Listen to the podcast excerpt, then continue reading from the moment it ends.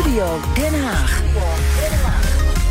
De Tweede Kamer buigt zich vandaag voor het eerst over het eindrapport van de parlementaire enquêtecommissie naar de gaswinning in Groningen. Het oordeel van de commissie in dat rapport van februari was snoeihard. Groningen werd lang gezien als een louter wingewest en de belangen van inwoners zijn decennia structureel genegeerd.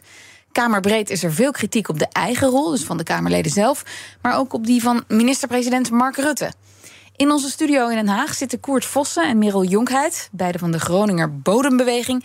En naast hen staat politiek verslaggever Leendert Beekman. Goedemiddag daar. Goedemiddag. Goedemiddag. Goedemiddag. Ja, Leendert, wat, wat is dit debat uh, in de tijdlijn in het dossier Groningen? Al een, een begin van een sluitstuk? Nou, een beginnetje van een sluitstuk, uh, moeten we zeggen, Liesbeth. Ja, want was het maar het sluitstuk, dan zouden ze in Groningen een gat in de lucht springen. Maar het gaat nog wel heel eventjes duren. Vandaag is het debat van de Kamer met de commissie. De commissie eh, die het, het onderzoek gedaan heeft naar hoe het allemaal heeft mis kunnen gaan in Groningen. De parlementaire enquêtecommissie. Ja, en daar moet nog een reactie op komen vanuit het kabinet. En daarna wordt er pas gedebatteerd met het kabinet. Ja, en dat gaat nog wel eventjes duren. De reactie van het kabinet. De brief wordt in mei verwacht. Daarna wordt ook al een, een debat ingepland. Maar dit is absoluut nog geen sluitstuk. Waar we vandaag wel achter gekomen zijn, is dat de Kamer de conclusies mm -hmm. van de commissie deelt. En ja. ook fors kritiek heeft op Mark Rutte. En wat staat er dan nog meer op het spel vandaag? Ja, veel. Er staat heel veel op het spel. Ook nu al. Want het gaat natuurlijk over de geloofwaardigheid hè, in de politiek. En daarbij kan je eigenlijk uh, twee routes kan je uitstippelen. De geloofwaardigheid in de rol van de Kamer, het kabinet en de minister-president. En de andere is de geloofwaardigheid naar of het daadwerkelijk opgelost gaat worden in Groningen. Hè? Of er herstel komt. Hè? Of er geld komt om de schade af te handelen. Ja, en uh, ja, het vertrouwen daarin is niet zo groot in de Kamer. Want ze willen eigenlijk wel daden zien. Sandra Beckerman van de SP had vanmorgen dan ook een zeer emotioneel betoog. Als we willen dat de Tweede Kamer belangen, de hoogste volksvertegenwoordigers die we hebben. Als mensen daar nog vertrouwen in hebben, um, dan moeten we hen recht doen. En ik vind dat echt heel zwaar de afgelopen jaren dat je ziet dat je probeert alles te geven, maar dat het niet genoeg is. En dat we dus als Tweede Kamer falen en dat dat erkend moet worden. Dan doe ik toch één vraag. Um, gelooft mevrouw Beckerman nog in een goede afloop? Ja en nee. Mijn geloof, vertrouwen in de politieke of in de parlementaire democratie is heel ernstig geschaad. Maar mijn geloof dat het goed komt, is er wel. Ja, er is dus nog wel geloof in dat het goed komt. Sandra Beckerman, zelf afkomstig uit Groningen, stond zo'n beetje de hele bijdrage met tranen in de mm. ogen de betoog te doen. Was echt emotioneel. Het raakte de andere Kamerleden ook.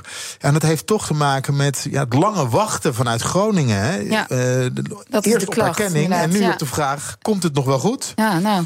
Koert Vossen van de Groninger Bodembeweging, heeft u nog er vertrouwen in dat het goed gaat komen?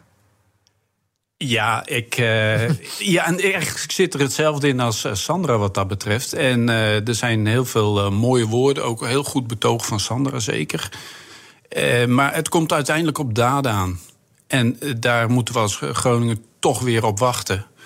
Uh, maar nou, laten we hopen voor de zomer, hoorde ik een datum genoemd worden. mm -hmm. Laten we hopen dat we dan duidelijkheid hebben. Ja, en Groningers wachten niet alleen op een reactie op het enquêterapport, maar ze wachten eigenlijk al tien jaar lang. Want de problemen in Groningen zijn al, nou, uh, gaan meer dan tien jaar lang al door, zijn onverminderd groot. Dus het wachten is uh, voor veel Groningers heel langdurig. Ja, Merel Jonkheid, ook van de Groninger Bodembeweging. Welke maatregelen moeten er dan nu worden toegezegd? Nou, de basis uh, moet op orde komen, want dat is nog één groot zootje. Uh, allereerst vinden wij dat de gaskraan dicht moet en wel per 1 oktober 2023. Gewoon helemaal? Want ja, want dan weten we zeker dat op de lange termijn de problemen in Groningen zullen stoppen. Mm -hmm. Zelfs als de gaskraan dicht is, zullen er nog bevingen voorkomen, maar die zullen naar verwachting wel afnemen als de gaskraan dicht is. Dus dat is heel belangrijk. Dat is, staat stip voor ons op nummer 1. En dan als tweede moet de schade, waar mensen nu nog heel veel gevechten voor moeten leveren om hun schade vergoed te krijgen.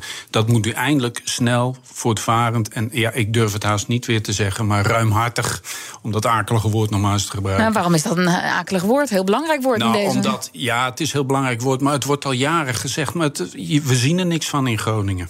Nee. Dus en, de, En, en Leendert, zijn dit soort toezeggingen gedaan? Ja, vanuit de oppositie wel. Dan hoor je bijvoorbeeld de Partij van de Arbeid, Henk Nijboer, ook een man uit Groningen. Die zegt van ja, we hebben 60 jaar lang hebben we geprofiteerd van het uh, gasveld in Groningen. We gaan nu 60 jaar lang investeringen in Groningen om de eerschuld op die manier in te lossen.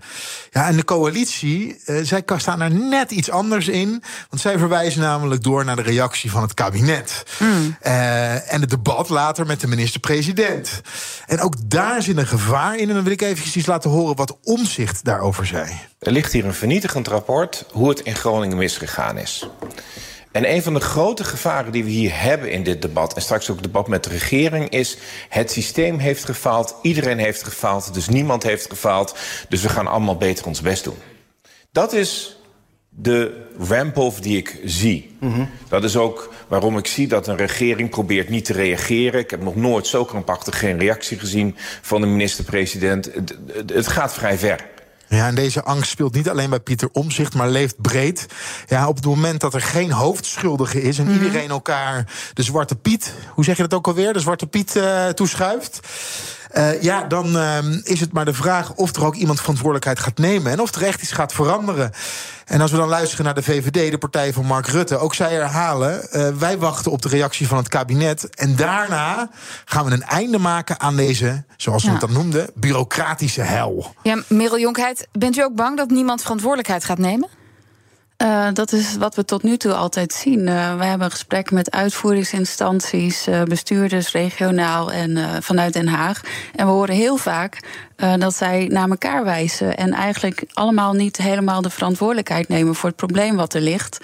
Um, dus dat, dat moet echt veranderen. Willen er, um, nou, willen het ten gunste van Groningers veranderen. Ja. Ja, en Koert Vossen, dat, dat, dat nemen van verantwoordelijkheid lijkt me ook heel belangrijk, zo niet cruciaal voor het vertrouwen in politiek.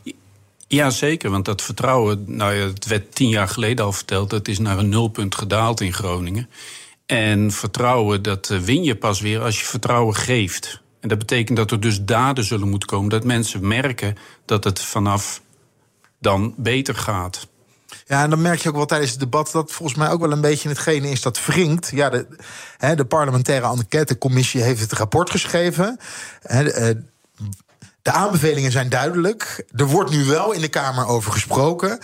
Maar daadwerkelijk tot oplossingen, uh, ja, daartoe komt de Kamer vandaag niet. En dat is toch een kleine spagaat waarin de Kamer nu zit. Ja, en ook een spagaat waar Groningen in zit, hè? Want ja. die willen zo graag wat horen. Die hadden het liefst vandaag al wat gehoord. En uh, ja, daar is dus nu nog langer te wachten op. En Leendert, nog even over de Kamer zelf. Die, die kijkt ook kritisch naar de eigen rol. Waarom? Nou, de Kamer is natuurlijk altijd hierbij aanwezig geweest. En nou staat er in het rapport wel dat de informatievoorziening richting de Kamer slecht was. En dat de Kamer ook een beetje in het duister moest tasten. Maar daarmee kan je niet zeggen dat de Kamer. Uh, uh, zeg maar, dat, ze, dat ze gedisqualificeerd zijn. En dat zij geen rol van betekenis hebben gespeeld in dat hele dossier. En dat weet de Kamer ook. Dus de Kamer zegt ook, ja, wij zijn, nou, wij zijn erbij betrokken geweest. En wij hebben niet altijd even scherp hebben we gereageerd op de situatie zoals die was. Bijvoorbeeld op het, de genomen gasbesluiten.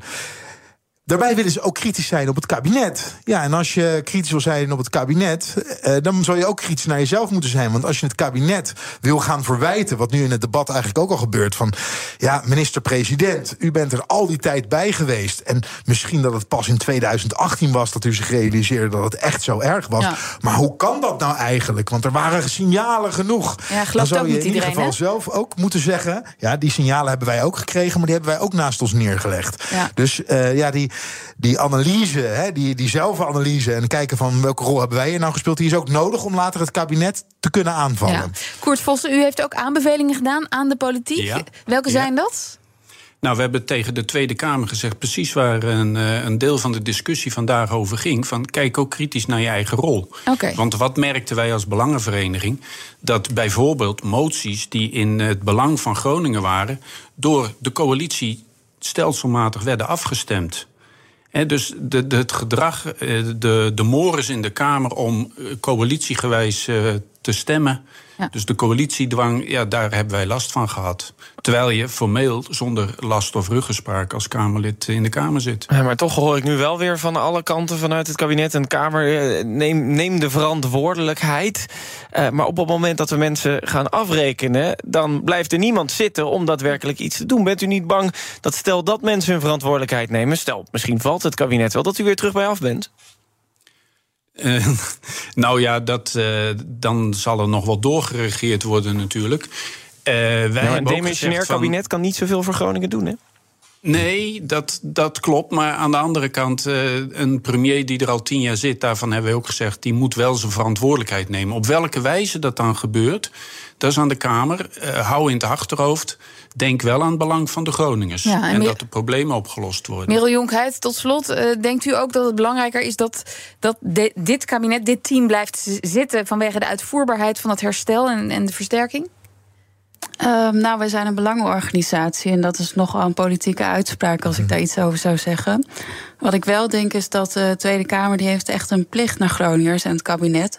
En stel dat de problemen nu nog niet opgelost worden na zo'n enquête, mhm. ja, dan zie ik het niet goed komen. En dan zou er best ook wat maatschappelijke onrust vanuit Groningen kunnen komen. Dus ja, er is wel echt werk aan de winkel. Hoe dan ook, wie er ook regeert uiteindelijk. Ja, en Hans Vuilbrief, de staatssecretaris Mijnbouw. Uh, ik hoor dat hij in Groningen in ieder geval een hoop goodwill heeft gekweekt. Ook omdat hij daar vaak is. Mm uh, ik kan me zo voorstellen dat je denkt: van nou, we hebben eindelijk iemand op dit dossier zitten. Uh, die de belangen van de Groningers in ieder geval lijkt te behartigen. Ook de gaskraan dichtdraait. En dan wil je hem op zijn post houden, toch? Ja, er zijn heel veel stemmen in Groningen die dat zeggen: van laat Hans Vuilbrief alsjeblieft zitten. En deze klus afmaken. Uh, dank voor nu, Koert Vossen en Merel Jonkheid van de Groninger Bodembeweging en politiek verslaggever Leendert Beekman.